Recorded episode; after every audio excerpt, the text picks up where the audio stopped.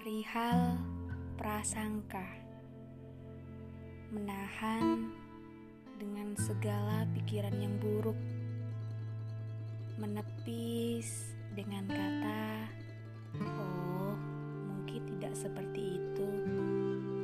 Menenangkan hati dari keresahan yang tak beralasan, menyabarkan ego agar perlahan dapat padam, menutup telinga dari hal yang tak sesuai dengan apa yang dilihat oleh mata, berusaha baik-baik saja dengan segala prasangka,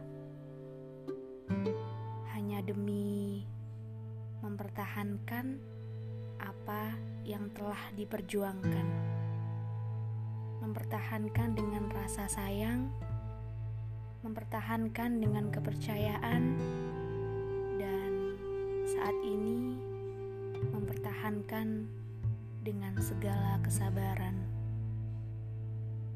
Yakinlah, jika diri ini baik, semua hal akan kembali baik perihal balasan perbuatan baik kita, biarkan itu urusan Allah.